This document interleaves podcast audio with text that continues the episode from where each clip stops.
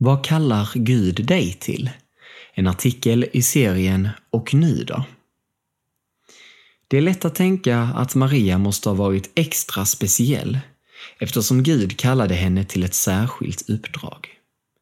Men hon var en helt vanlig människa, som vi, och hon valde att säga ja när Gud ville använda henne. Kunde Maria, så kan du. Men hur vet man vad Gud vill att man ska göra? Här är några tips. Studera Guds ord och lär känna honom. Genom Bibeln lär vi oss att känna igen Guds röst och hans vilja. Ta tid till bön.